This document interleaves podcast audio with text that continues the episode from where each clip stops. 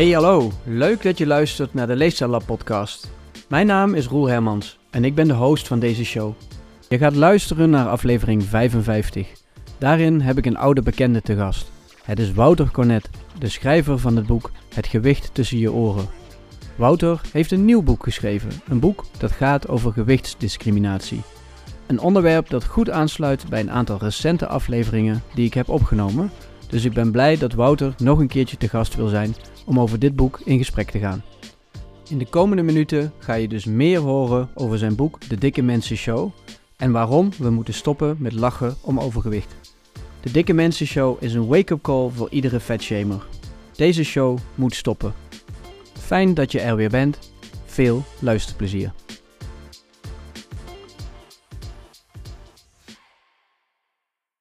Dag Wouter, leuk dat je er weer bent.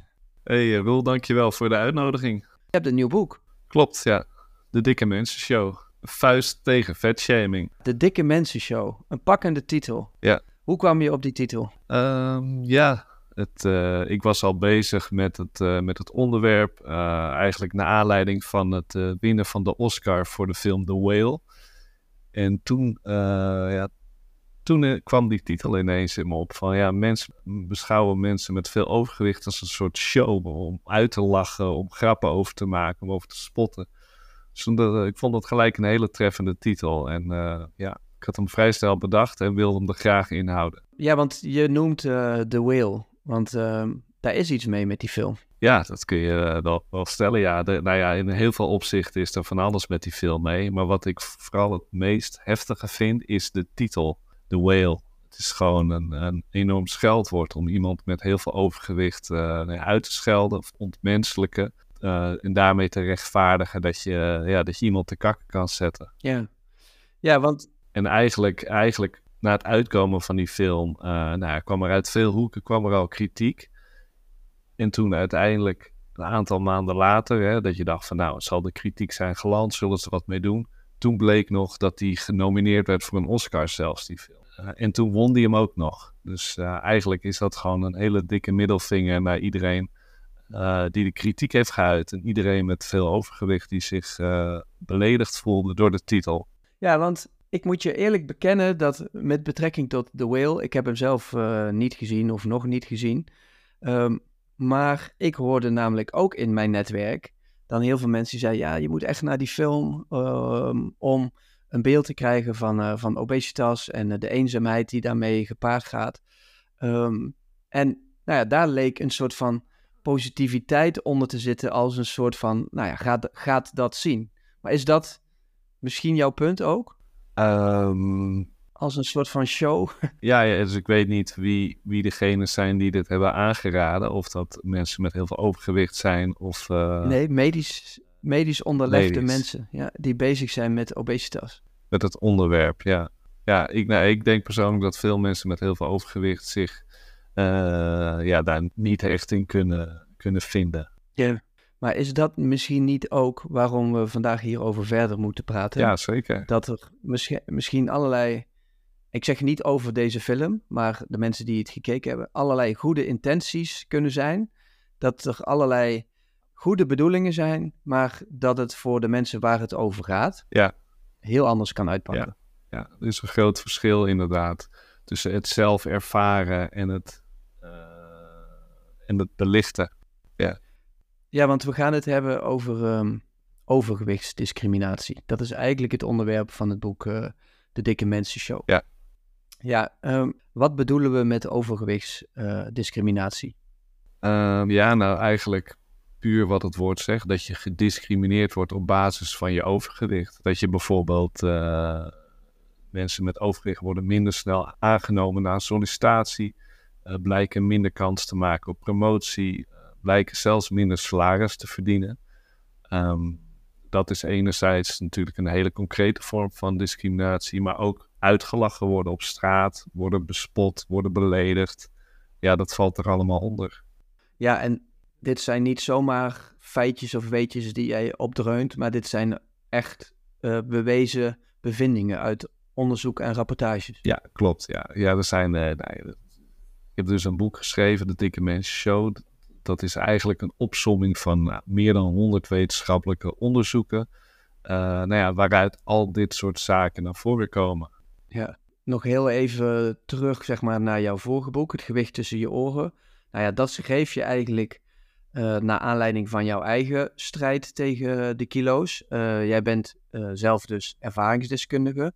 Overgewichtsdiscriminatie, is dat ook iets wat jij zelf mee hebt gemaakt in je eigen leven? Um, ja, ik moet zeggen, niet zo zwaar als sommige andere voorbeelden van mensen die ik voor dat boek heb gesproken zelf hebben ervaren. Maar ik heb ook wel meegemaakt hoor, dat mensen ineens tegen je gaan zeggen: Zo, ben jij dik geworden? Of, of zo, die trui die kan echt niet meer, die zit heel strak. Of, maar ook dat ik merkte dat ik zelf heel veel gewicht was afgevallen, dat ineens mensen me heel anders gingen benaderen. Dat ik ineens op straat werd aangesproken of dat mensen ja, heel anders tegen mij deden, maar veel serieuzer namen. Ja. Uh, dat heb ik ook wel gemerkt. Ja. En dat is ook wel iets wat ik echt wel uh, vaak teruglees. Ook. Bijvoorbeeld uh, de bekende Hollywood-actrice Rebel Wilson, die viel zelf ook 30 kilo af. En die zei ook, er is een hele wereld voor me open gegaan. Mensen benaderen me iets heel anders, houden de deur voor me open, bieden zelfs aan om mijn boodschappen te dragen. Dus ja, daar zit het hem ook in dat je, dat verschil bemerkt. Ja, precies. Ja, want was het eigenlijk zo dat toen jij uh, het gewicht tussen je oren schreef, je ook steeds meer ging lezen uh, zijdelings over overgewichtsdiscriminatie, het stigma rondom obesitas, dat je dacht, hey, hier zit gewoon nog een boek in? Nou ja, het is... Uh, ik heb dus voor mijn vorige boek heb ik 100 mensen gesproken en daarin kwam ik hele heftige verhalen tegen van mensen die gewoon uh, van kinds af aan zijn gepest. En niet alleen door leeftijdsgenoten, maar ook gewoon door docenten en, uh, en begeleiders, familieleden. Dus het is een heel heftig onderwerp. Ik heb soms echt met tranen in mijn ogen die verhalen aangehoord. Mm -hmm. en daarom heb ik, dat is ook een van de redenen waarom ik dit boek heb geschreven. In, het zat gewoon in mijn achterhoofd. En dit boek heb ik ook niet geschreven uit de commerciële over, overweging, maar echt puur vanuit boosheid. Uh, dat dit zo heftig, dat, dat we dit met z'n allen, die mensen zo heftig aanpakken. Ja, precies. Het heeft een enorme heftig effect op die mensen ook. Ja, ja want dat... Goed, daar zullen we straks uh, verder over doorpraten. Ja, want dat, dat vuur lees je wel tussen de regels door zo nu en dan. Heel mooi. die passie voor dit onderwerp. Ja. Maar ook ehm, ja, de frustratie hier en daar spat er wel af. Ja, nee, dat is dat, dat, dat, ja, dat, dat is echt ook oprecht. Ja, want waarom lachen we toch zo graag om mensen met overgewicht? En ja, is dit iets van de laatste jaren? Of... Nou, het is iets wat eigenlijk al sinds de eerste geschriften uh, bestaat. Of daarvoor waarschijnlijk ook al. Maar ja, het is meetbaar vanaf de eerste geschriften. De oude Grieken, de Egyptenaren de Bijbel eigenlijk zo, zo ver je terug kunt kijken in de tijd, bestond er al vetshaming. Uh, en vonden mensen het al grappig om te lachen om het overgewicht van anderen. Ja, want kun je daar wat concrete voorbeelden van geven? Want in het, de eerste twee hoofdstukken, ja, daar vielen mij zeg maar echt een beetje de schellen van de ogen. Beschrijf je dus inderdaad echt een paar van die voorbeelden uit de oude klassieken met betrekking tot vetshaming. Ja, een voorbeeld daarvan is van de oude Egyptische koningin Hatshepsut. Uh, en zij bespotte een andere koningin, die heet Ati. En zij bespotte haar door een grote muurschildering te maken, uh, waarin de grote koningin Ati stond van het zuidelijke landje, met een hele kleine ezel ernaast. En daar stond de tekst onder, de grote ezel die deze koningin moest dragen. En we weten dat de, de inwoners van Egypte dat grappig vonden, want de tekening werd op meerdere plekken teruggevonden. Dus echt als een soort bespotting uh, werd het rondgedeeld. Zo, zodoende zijn er eigenlijk veel meer, uh, veel meer verhalen. Bijvoorbeeld de oude Grieken, die hadden ook een, uh, het allereerste moppenboekje, waarvan we weten dat, dat het een moppenboekje was. En daar stonden ook een stuk of acht moppen in over overgewicht. Ja. Ja, dus het is al best wel oud. Ja. Zelfs Shakespeare was niet vies van een beetje vetshaming, geloof ik. Nee, Shakespeare, die, uh, die, die hield daar ook van, inderdaad. En die wijde daar ook hele scènes aan. En die gebruikt het ook echt als stijlmiddel om ja, mensen aan het lachen te maken. Ja, Ja, en ik lees ook iets over de Tsjechen tijdens de Tweede Wereldoorlog. Ja, klopt. Zij gebruikten de grap ook als een soort stijlmiddel. Eigenlijk de eigen identiteit te bewaken en uh, afstand te nemen van de Duitse bezetters. En zij gebruikten daar uh, moppen voor die zij onderling verspreiden. Om de tegenstander heel slecht weg te zetten. Ja, want wat, wat zit er nou eigenlijk achter vetshaming? Waarom doen, waarom doen mensen dit? Ja, er zijn allerlei uh, verschillende motieven te bedenken. Bijvoorbeeld het, het, voorbeeld van de oud-Egyptische koningin. Uh, daarvan kun je zeggen uh, dat zij de identiteit van het land versterkte door iemand van een ander land slecht weg te zetten en daar gezamenlijk om te lachen. Maar pesten kan ook gewoon een middel zijn voor een, bijvoorbeeld voor een kind in de klas om een status hoog te houden. en door iemand slecht weg te zetten en de rest van de groep aan het lachen te maken. Kan van alles zijn, hè? Ja, en wie, wie doet het? Vetshaming? Nou ja, het heftige is dat, dat eigenlijk heel veel mensen doen. Uh, dus kijk, er is altijd een kleine meerderheid die doet het recht in iemands gezicht. Mm -hmm. uh, maar heel veel mensen, de grote meerderheid, die denkt het of die, die maakt er gezamenlijk grapjes over als hij overgewicht er niet bij is. Uh, en, en het gewicht stigma eigenlijk, waaruit de, de, de discriminatie voortkomt, dat is iets wat we gewoon eigenlijk met z'n allen in ons hoofd onbewust hebben zitten. Ja, ja want wat, wat is dat gewichtstigma dan precies? Wat, wat hebben we in ons hoofd? Nou, als jij bijvoorbeeld een, uh, een onderzoek doet en je laat mensen allemaal afbeeldingen zien van, van slanke mensen of mensen met overgewicht, dan worden de mensen met overgewicht, die krijgen negatievere uh, eigenschappen toegekend dan de mensen met, slanke, met een slanke foto. Uh, die mensen worden gezien als luier, minder intelligent, uh, minder gedisciplineerd, onverzorgder. nou ja, dat, is een hele lijst negatieve eigenschappen. Het gaat heel ver en het heftige is dat niet alleen slanke mensen dat denken, maar ook mensen die zelf overgewicht hebben, die kennen mensen met overgewicht ook die negatieve eigenschappen toe. Dus het is, uh, ja, het is een heel uh, heftig en hardnekkig gedachtegoed. Ja, ja. ja, dus het is eigenlijk een, een gedachtegoed, iets onbewust wat we in ons hoofd uh, hebben zitten. Um, maar dat heeft dus ook effect op hoe we ons gedragen richting mensen met overgewicht en obesitas. Zeker, ja. Worden als minderwaardig gezien. En bijvoorbeeld doordat ze als minder geëvalueerd uh, wordt gezien of meer nog met een dier worden vergeleken dan met uh, de mensen. Hè? Net als de film The Whale eigenlijk ook, die titel. Ja, de walvis. Uh, ja, ja, ja. dat daarin zien mensen ook rechtvaardiging in om die mensen gewoon echt te kakken te zetten. Dat ze niet voor, helemaal worden gezien als mens. Ja. En dat ligt eraan ten grondslag. Ja, maar ik hoor je dus ook zeggen in het begin die onbewuste gevoelens, gedachten die we hebben ten opzichte van mensen met uh, overgewicht, obesitas, dat heeft dus ook impact, onbewust denk ik, op hoe we omgaan met mensen. Zoals jij zei van nou, die geven we dan minder salaris. Uh, ik neem niet aan dat we dat heel bewust doen, toch? Nee, nee, ik denk ook dat we dat onbewust doen, maar wel vanuit de gedachte dat we hen als minderwaardig zien. Ja, ja. De maatschappij hen als minderwaardig zien. Ik, we worden ook echt plat gebombardeerd met, met het schoonheidsideaal. Hè? Dat, dat is daar natuurlijk ook aan gelinkt. Van als je de tv aanzet of je film kijkt, tv-series, zelfs tekenfilms. Daar is altijd uh, het schoonheidsideaal is een slank persoon. Mm-hmm. Dat is eigenlijk het schoonheidsideaal wat wordt gedicteerd. En als je daar niet aan voldoet, ja, dan ben je minderwaardig. Ja. Dat is eigenlijk een concrete gevolg van dat schoonheidsideaal. Ja, precies. En het, het is ook niet onbewust, maar het is, uh, dat, ik bedoel, het wordt heel concreet in je gezicht duidelijk gemaakt, doordat in tv-series, ook tv-series voor kinderen, heel veel wordt gefatshamed. Ja. Er komen heel veel grappen in. De, de karakters met overgewicht zijn ook altijd zullig en minder intelligent. Het zijn nooit de romantische partners. Het zijn altijd de zulletjes, eigenlijk helemaal in lijn met dat gewichtsstigma. Ja. Dat wordt gewoon recht in je gezicht uh, in die series ja, medegedeeld. Dus als je dat kijkt en je hebt overgewicht, dan zie je daar steeds een bevestiging in. Van, hey, ik val er buiten, ik voldoen niet aan alle eisen, ik ben zullig, ik ben minder intelligent, ik heb minder discipline. Ja. Dus het is heel heftig. En vooral voor kinderen Ja. die zo uh, opgroeien. ben het helemaal met je eens. Ehm, maar wat ik bedoel, denk ik, met dat onbewust, is dat inderdaad dat stigma is zo alomvertegenwoordigd dat we er niet over nadenken. Als je zelf geen overgewicht of obesitas hebt, Ja.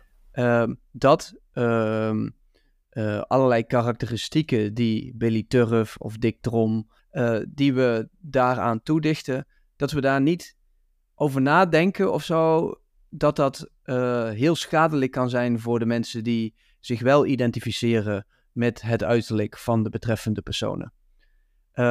Ja, Nee, klopt. Dat, dat is ook het probleem. Het is onbewust. We zien het niet eens meer. En dat is het heftige eigenlijk. En dat is ook ja, waarom mensen dit, de ernst van dit onderwerp ook niet begrijpen. Nee, precies. En het, ja, het heeft ook volgens mij wel een beetje te maken met dat inlevingsvermogen. Eh, kijk, want ik heb geen overgewicht, geen obesitas. Maar waar ik het een beetje ook mee vergelijk is die onbewuste beelden die we hebben met betrekking tot overgewicht, obesitas, is net als dat we onbewust dat hokjes hebben met iemand met een hoofddoek. Als je zelf niet eh, eh, die religie aanhoudt, dan hebben we daar ideeën, gedachten over.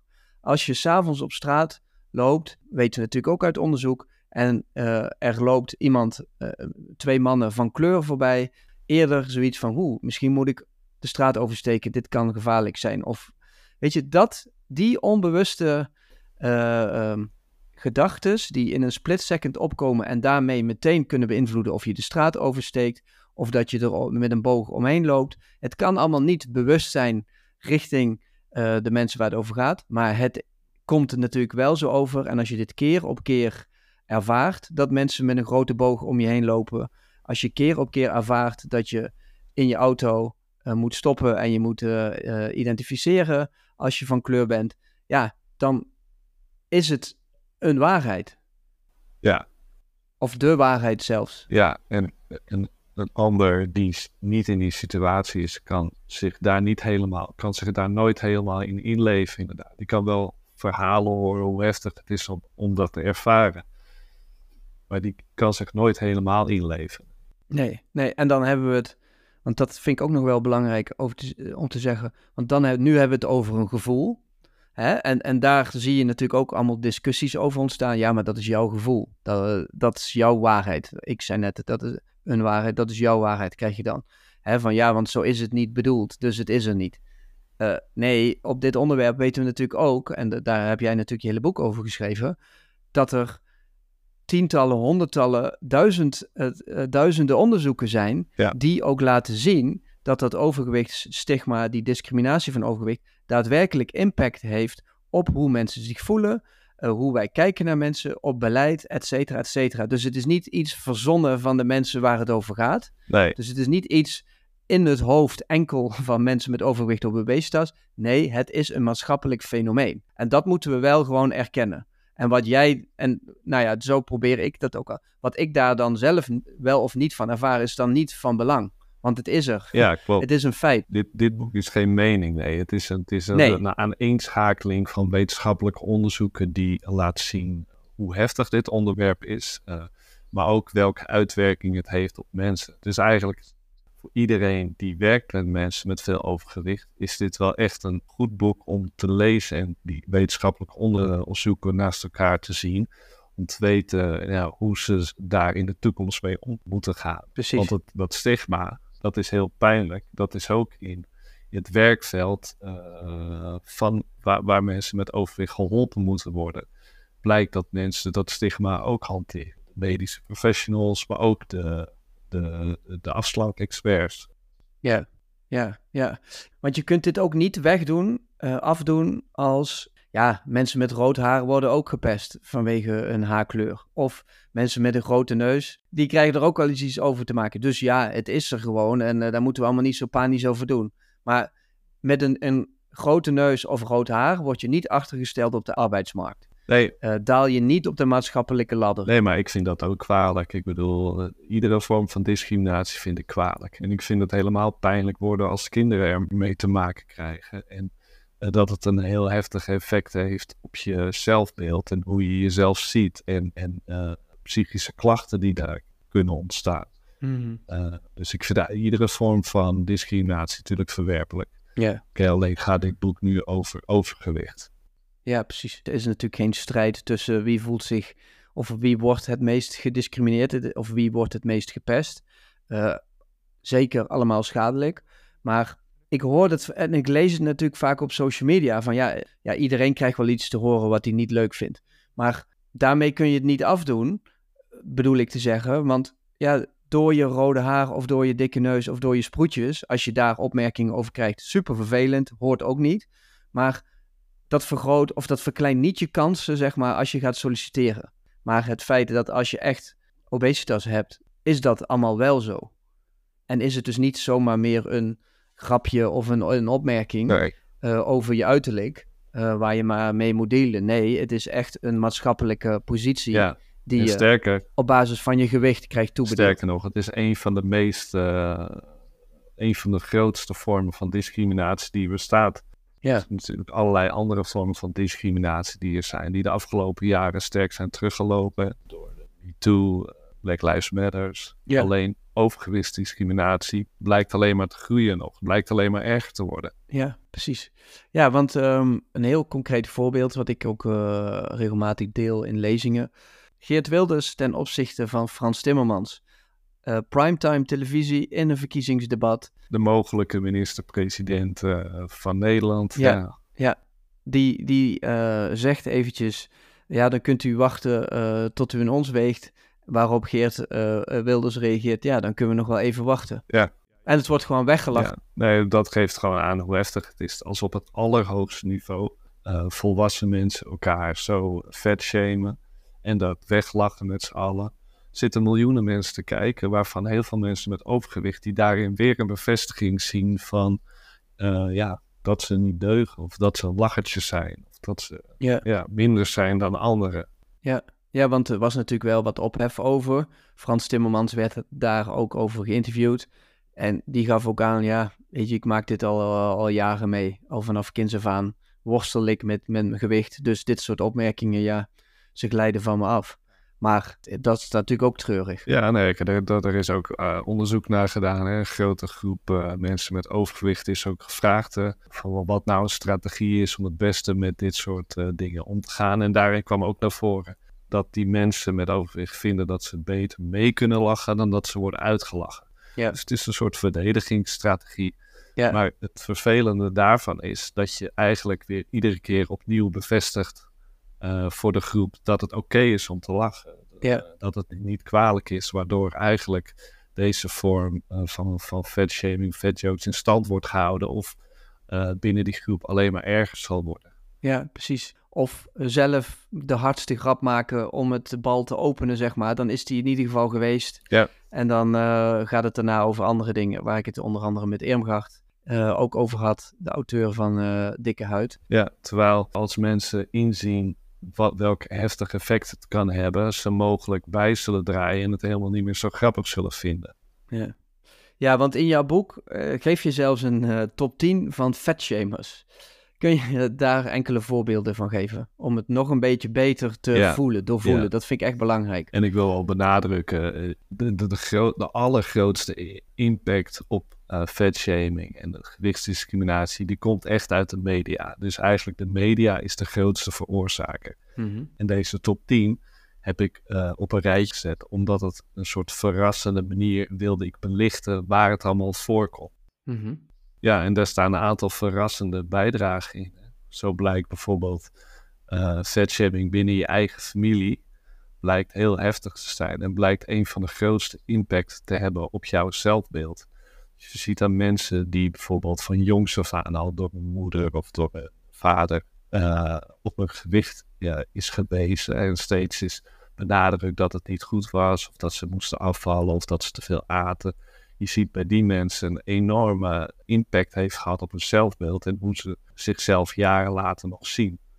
Ehm, plus, wat ook blijkt, is dat deze vorm van, eh van fatshaming of bodyshaming binnen je eigen gezin enorme stress eh, veroorzaakt. Waardoor eigenlijk eh, een averechts effect wordt bewerkstelligd. Namelijk dat iemand vanuit stress nog meer gaat eten. Mhm. Of een geheime eten wordt. Hè? Dus niet meer in bijzijn van, van familie veel eten, maar op een later moment om dan het weinig eten weer te compenseren in het geheim gaat eten. En dan nog meer eten dan ze eigenlijk zouden hebben gedaan. Ja. Dus het is een hele onwenselijke vorm van vetshaming. Ja. In die lijst eh, ja, er staat nog veel meer. Er staat ook bijvoorbeeld in kinderen. Kinderen blijken al vanaf hun derde jaar een negatieve opvattingen te hebben over kinderen met obesitas. Ja. Hebben ze bijvoorbeeld een onderzoekje gedaan waarin ze eh, kwaliteit van werkjes eh, gingen ranken.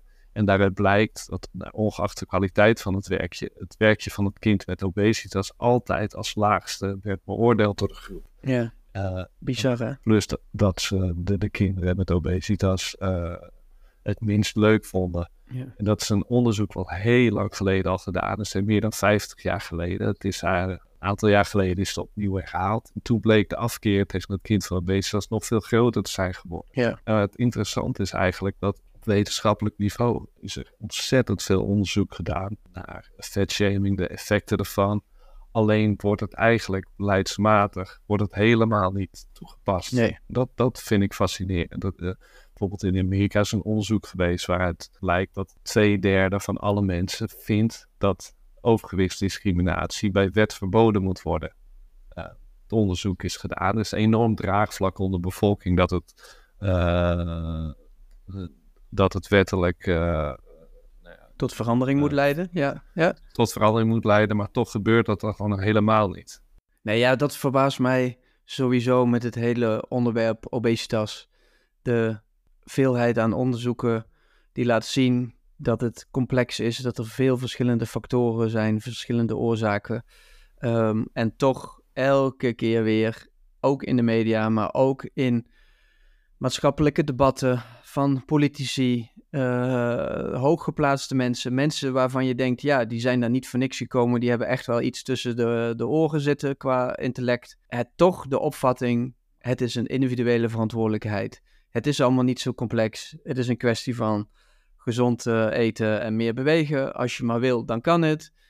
Ja, het is, ja, het is bizar. Kun je, ja, kun, kun je dat zeggen als meer dan de helft van de, van de bevolking overgewicht heeft? Ja. Ik slaat een enorme steek vallen. In het boek wordt ook een onderzoek beschreven, ook een internationaal onderzoek wat gedaan is onder overheden van elf verschillende landen. En daaruit blijkt ook dat de beleidsmakers voor grote deel dat gewichtstigma ook gewoon hanteren. Ja. En in ieder geval op zijn minst het, het, het idee dat het aanpakken van gewicht een individuele verantwoordelijkheid is. Dus eigen schuld, dikke bult. Geen wonder dat het dan geen uitvoer gaat vinden in, in de praktijk. Nee, precies. Als dat de instelling is, dan gaat er nooit verandering komen. Nee, precies. Want nou ja, in jouw Shamer top 10, um, nou ja, mensen moeten natuurlijk zelf dit, dit boek uh, lezen. Kunnen niet alle details doornemen, maar inderdaad, kinderen staan erin. Afslankspecialisten staan volgens mij op één, hè? Ja. Want wie bedoel je daar uh, mee? Uh, nou, dat zijn diëtisten en personal trainers. Uh, nou, er zijn, zijn best wat onderzoeken geweest waaruit blijkt dat eigenlijk ook een groot deel van die beroepsgroep ook gewoon een vooringenomen beeld heeft. En ook gewoon mensen met overgewicht ziet als luier, minder gedisciplineerd. Nou ja, dat het overgewicht helemaal aan zichzelf te danken hebben. maar daaruit blijkt wel dat hoe meer ervaring ze hebben, dat het gewichtstigma afzwakt. Precies, want ja, daar wil ik het nog wel even met jou over hebben nu. Want dat is iets waarom ik ook, nou ja, uh, al een paar afleveringen dit onderwerp, nou ja, in een voet, in een, hoe zeg je dat, in de spotlight wil, wil zetten. Want ja, ik zie het gewoon dagelijks voorbij komen op, op sociale media van, nou ja, zoals jij het noemt, afslankspecialisten. Uh, dat vind ik al te veel eer voor veel mensen, want dat, dat suggereert dan nog dat je specialist bent. Ja. Um, maar in ieder geval die groep zelfbenoemde health coaches, fit coaches, personal trainers, die, nou ja, wat mij betreft weinig uh, kennis hebben van de complexiteit van dit onderwerp uh, en dan zich niet geremd voelen om daar dan toch allerlei uh, uitspraken over te doen. Ja. vaak ook ingegeven door het feit dat ze zelf een paar kilo zijn afgevallen of dat ze zelf heel gespierd zijn geworden en dat iedereen dat maar moet kunnen. Maar wat is die rol van de sociale media de laatste jaren in dit hele proces van overgewichtsdiscriminatie? Want ja, ik vind hem echt erger worden, lijkt het wel. Ja, daar is echt heel veel over te vertellen natuurlijk. Ze hebben ook een onderzoek gedaan naar uh, veel voorkomendheid via Twitter of X. Dat er bodyshaming uh, uitspraken worden gedaan. En daaruit bleek ook dat die eigenlijk in grote mate afkwamen van dat soort uh, health coaches of personal trainers. Dat overgewicht eigen schuld is, of zelfs dat ze ervan walgen. Nou ja, dat gaat echt heel erg ver. En ook zelfs bekende health coaches of van die bekende inspirator met heel veel volgers, die roepen dat ook gewoon. Ja. Uh, nou ja, het effect is heel heftig, omdat natuurlijk heel veel mensen social media bekijken. En op social media is ook geen echte regulatie. Uh, dus de, ja, je kan alles roepen wat je wil. Je kan alles roepen wat je wil. Uh, maar er is natuurlijk wel regulatie. Als jij discrimineert op basis van ras of seks, dan, uh, dan, dan kan het verwijderd worden. Dan zet het aan tot discriminatie of haat. Dan, dan verwijderen dat soort platforms, dat soort opmerkingen. Ja. Maar in geval van vetshaming gebeurt dat helemaal niet. Dat wordt echt gezien als een soort grap die je mag maken. Ja, het gaat zelfs zo ver. Uh, Zo'n Jimmy Carr, dat is een Engelse comedian. Die heeft gewoon zijn beste fat jokes ever, heeft hij gewoon gebundeld in YouTube-video's van drie delen, een kwartier lang vetshaming en dat, dat keer drie. Ja. En dat mag allemaal gewoon. Weet je, ik, ik zou ervoor pleiten als je tegen dit onderwerp bent, ik doe het zelf ook, als ik dit soort dingen online tegenkom, dan druk ik op die knop van maak melding, uh, dit is discriminatie, dit is aanzetten tot haat. Uh, de, de, alle social media platforms hebben die knop gewoon, dus je kunt erop drukken. Dus als je wil inzetten voor dit onderwerp, nou ja, ga dan bijvoorbeeld naar Jimmy Carr, uh, vet, vet jokes, en druk op de knop dat dat gewoon niet oké okay is en dat het discriminatie is. Ja. Yeah. Misschien is dat een manier om dit onderwerp tegen te gaan. Ja, yeah, ja. Yeah. Maar snap je dat mensen dan denken van ja, maar he heeft humor grenzen? Ja, dan moet je gewoon uh, bedenken dat er een kind uh, naar YouTube zitten kijken met overgewicht, die dag in dag uit wordt gepest met overgewicht. En dan ook nog eens uh, dit soort content online ziet, waarin ja. mensen ook weer onder gaan lachen en alles. Precies, ja. Bedenk dan een kind voor je te zien die in de knoop met zichzelf zit, die gewoon zichzelf minderwaardig ziet, geen, geen vriendjes heeft. Uh, ik bedoel, als je dat beeld in je hoofd haalt, mm. dan, dan, dan, dan kom je aan een eind om dit uh, onderwerp echt goed af te keuren. Ja, ja. En te denken van... Humor heeft wel grenzen, ja. Ja, zeker. Ja. Natuurlijk heeft humor grenzen. Als je iemand mee beledigt, of als je kinderen in de verdrukking helpt, ja, dat is gewoon niet oké. Okay. Nee. Dat is niet goed te praten. Nee, maar dat, dat is goed dat we het hierover hebben, want ja, ik merk dan ook bij mezelf, als je, als je, als je dit dan zegt, dat ik bij mezelf dan ook een soort weerstand. Weet je, dat ik denk, oh ja, als we dan op een podium, uh, nou ja, de, de Hans Steeuwens en uh, nou, noem ze allemaal maar op, moeten we die dan beperken met betrekking tot grappen over gewicht? Nou ja, kijk, ik bedoel, jokes is de allermakkelijkste vorm van humor, hè, want het is alleen maar point and left, het is alleen maar aanwijzen en, en dan moeten dan lachen mensen er al op. Dus het is een hele simpele vorm van humor. Ik denk van ja, als jij een comedian bent of een cabaretier van niveau, ja, dan moet je jezelf ook bewijzen dat je wat ingewikkelder humor kan, kan verzinnen dan dit. Ja, want ik moet meteen hierbij denken aan uh, een show van Ronald Groenemond. Waar het dan gaat over uh, een dik persoon op een brommertje. Dan gaat het ook vijf minuten lang, de ene grap naar de andere. En daar wordt inderdaad hartelijk om gelachen, omdat het een beeldspraak is die voor veel mensen natuurlijk zo herkenbaar is. En dat is natuurlijk precies waar het hele stigma, ja. waar het over gaat. Ja. Waar, wat jij zegt, waar, wat we dus al doen vanaf dat we schrijven. Ja. Blijkbaar is het inderdaad iets in onze aard waardoor we dit ook grappig vinden, waardoor we dit ook, als je dus geen overgewicht hebt, hè, laat dat dan duidelijk zijn. Het, het zit toch blijkbaar in, in ons dan of zo. Ja. Maar dat betekent niet dat het moet blijven. Nee, nee, zeker niet. Nee, nee, daarom. En kijk, dit soort grappen, mensen lachen erom dat ze denken, ja, het is eigen schuld, dikke bult, maar het, het is wel extreem uh, in toenemende mate inmiddels aangetoond dat uh, overgewicht te maken heeft met aanleg. Hè? Er zijn Hmm. dus honderden genen uh, geïdentificeerd die, die een rol kunnen spelen. Wat ik bijvoorbeeld ook een heel heftig verhaal vind. Er zijn een aantal zeldzame aandoeningen waarbij mensen gewoon heel snel heel veel overgewicht krijgen. Ik las een verhaal in een Vlaamse krant over een moeder die schreef dat ze met haar dochter eh, ergens in de rij stond om een ijsje te halen. En dat er kinderen achter hen waren die gewoon dat kind enorm aan het belachelijk maken waren, aan het uitlachen waren. Van, oh, dat kind moet je echt niks te eten meer geven, die ontploft bijna. Gewoon hele heftig. Nou, terwijl dat kind had gewoon een erfelijke ziekte, ja, waardoor je gewoon heel makkelijk heel veel overgewicht krijgt.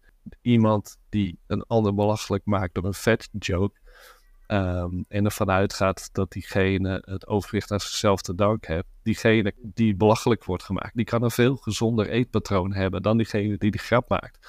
Dat is het heftige. Ja. En het, het onrechtvaardige van vetshaming. Ja, ja want dat, dat, dat vetshaming is dus alom vertegenwoordigd. Dat doen we eigenlijk al uh, zolang dat we bijna leven uh, misschien. Uh, in ieder geval kunnen schrijven. dat we het hebben gedocumenteerd.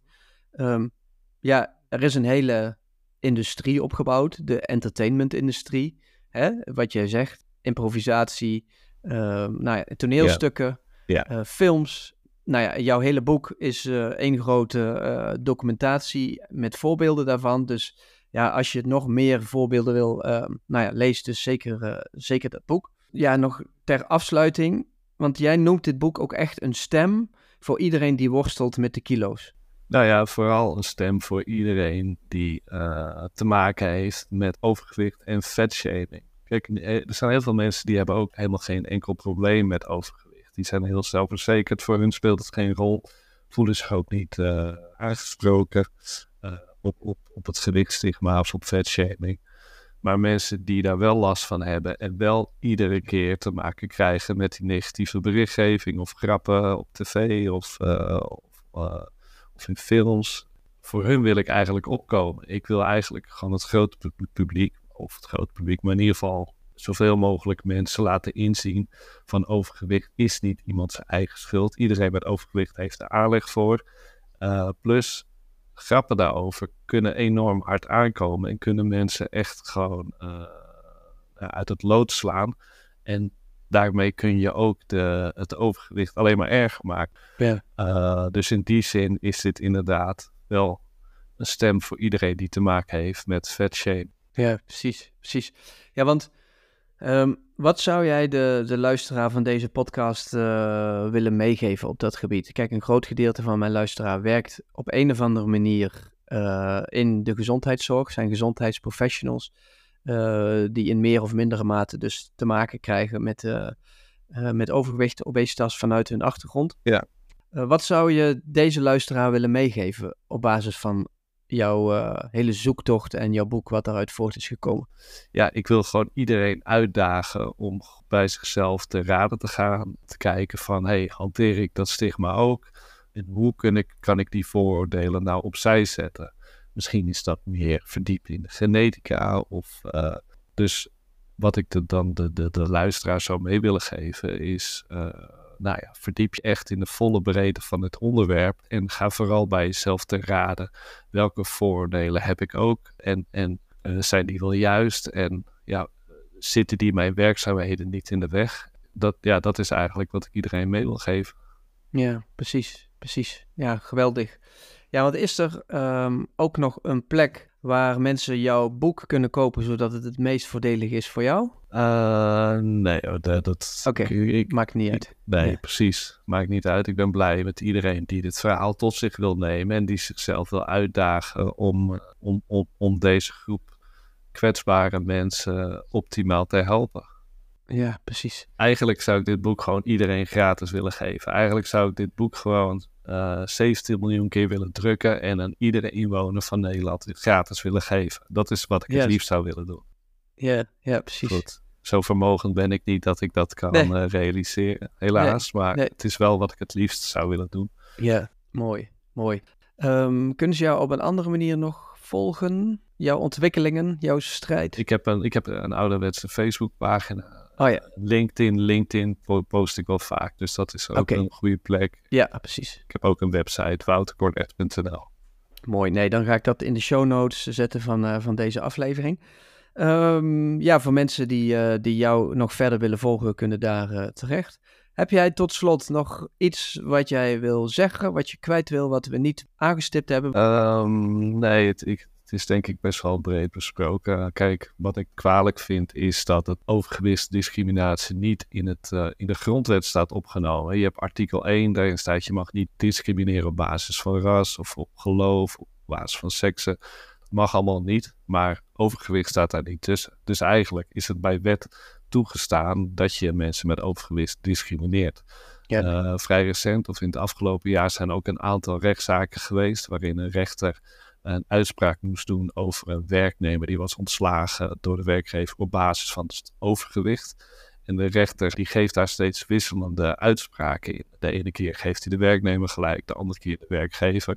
Mhm. Dat komt omdat het gewoon niet duidelijk in de wet staat opgenomen dat dat niet mag. Dus daar zou ik echt graag voor willen pleiten. Ja. En zou ik ook heel rechtvaardig vinden dat dat uh, wordt opgenomen in de grondwet ook. Precies. Nou, dat is uh, iets wat wellicht de komende jaren, uh, als we maar vaak genoeg over dit onderwerp blijven praten, boeken zoals die van jou geschreven worden en veel gekocht worden, uh, dan is dat iets wat we misschien vanuit de samenleving kunnen initiëren. Ja, in Amerika gebeurt dat bijvoorbeeld al in de staat Michigan. Daar is overgewichtsdiscriminatie gewoon bij wet opgenomen of bij wet verboden. Uh, er zijn ook verschillende steden, zoals San Francisco, uh, waar het ook is verboden. Dus ja, wellicht zijn dat de voorlopers van hoe wij het in de toekomst ook gaan regelen. Ja, mooi. Hey Wouter, ik wil je heel hartelijk bedanken voor, uh, voor je input. Yes. Um, ja, nogmaals, iedereen verdiep je in het onderwerp. Wil je extra verdieping ook op een levendige manier beschreven met het vuur in de pen? Nou, kijk dan zeker of je de Dikke Mensen Show kunt aanschaffen. Ja, bedankt. Ja, jij bedankt voor de aandacht. En nou ja, we spreken elkaar vast in de toekomst weer. Precies, tot de volgende keer. Hey, bedankt. Is goed. Goedjes. Hoi hoi.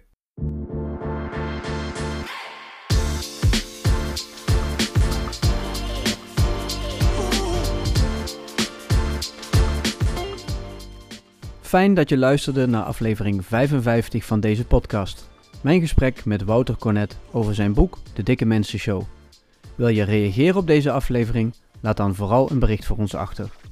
Meer info over Wouter en zijn boek vind je in de show notes. Over twee weken ben ik bij je terug met een nieuwe aflevering. Dan ga ik in gesprek met Dr. Jeroen Lakerveld, onderzoeker aan het Amsterdam UMC. Hij heeft onlangs een flinke subsidie gekregen van de Europese Unie om onderzoek te doen naar de verschillende oorzaken van obesitas.